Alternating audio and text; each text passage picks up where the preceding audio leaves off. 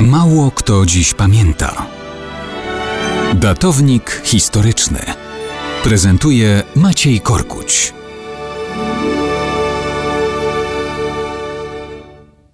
Mało kto dziś pamięta, że w maju 1526 roku w miejscowości Koniak został zawarty sojusz. Choć nazwano go Ligą Świętą, ulec on musiał wobec genueńskiej zdrady i francuskiej choroby.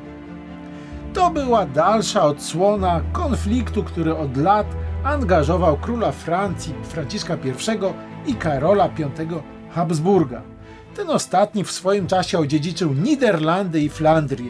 Następnie został królem Hiszpanii i Neapolu. Trudno, aby Francja śledziła to beznamiętnie. Jej ambitny władca Franciszek I z niepokojem patrzył na taki wzrost potęgi rodu Habsburgów. Nieprzypadkowo po śmierci dotychczasowego cesarza Rzeszy postanowił zgłosić własną kandydaturę na tron cesarski. Wprawdzie nie dawał on zbyt dużej władzy realnej, ale zwiększał prestiż i wpływy polityczne.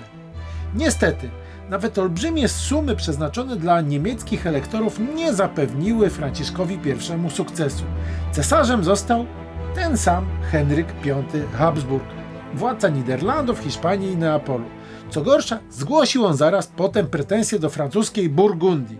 Z kolei Franciszek wysunął swe prawa do Królestwa Neapolu i zrobiła się z tego wojna, która rozgorzała w Italii. Zmieniały się sojusze i konstelacje polityczne. Zwycięstwo przechodziło z rąk do rąk, ale to Habsburgowie rośli w siłę. Dodatkowo objęli po drodze tron czeski i węgierski. Franciszek I, rozgromiony pod Pawią i wzięty do niewoli, po upokarzających ustępstwach próbuje wziąć odwet. Wtedy zawiązuje ową Ligę Świętą w Koniak we współpracy z papieżem, Mediolanem, Genuą, Wenecją i Florencją. Karol V ściąga do Italii niemieckich landsknechtów, zdobywa Rzym, łupi go i rujnuje. Znowu musi dojść do decydującego starcia. Franciszek I rozpoczyna oblężenie Neapolu. Ma 30 tysięcy żołnierzy.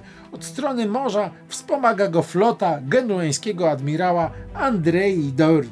Ale i tutaj szczęście Francuzom nie sprzyja. Doria ich zdradza i przechodzi na stronę Karola, a wojska francuskie zaczyna dziesiątkować tak zwana francuska choroba we Włoszech zaraz potem ochrzczona jako syfilis.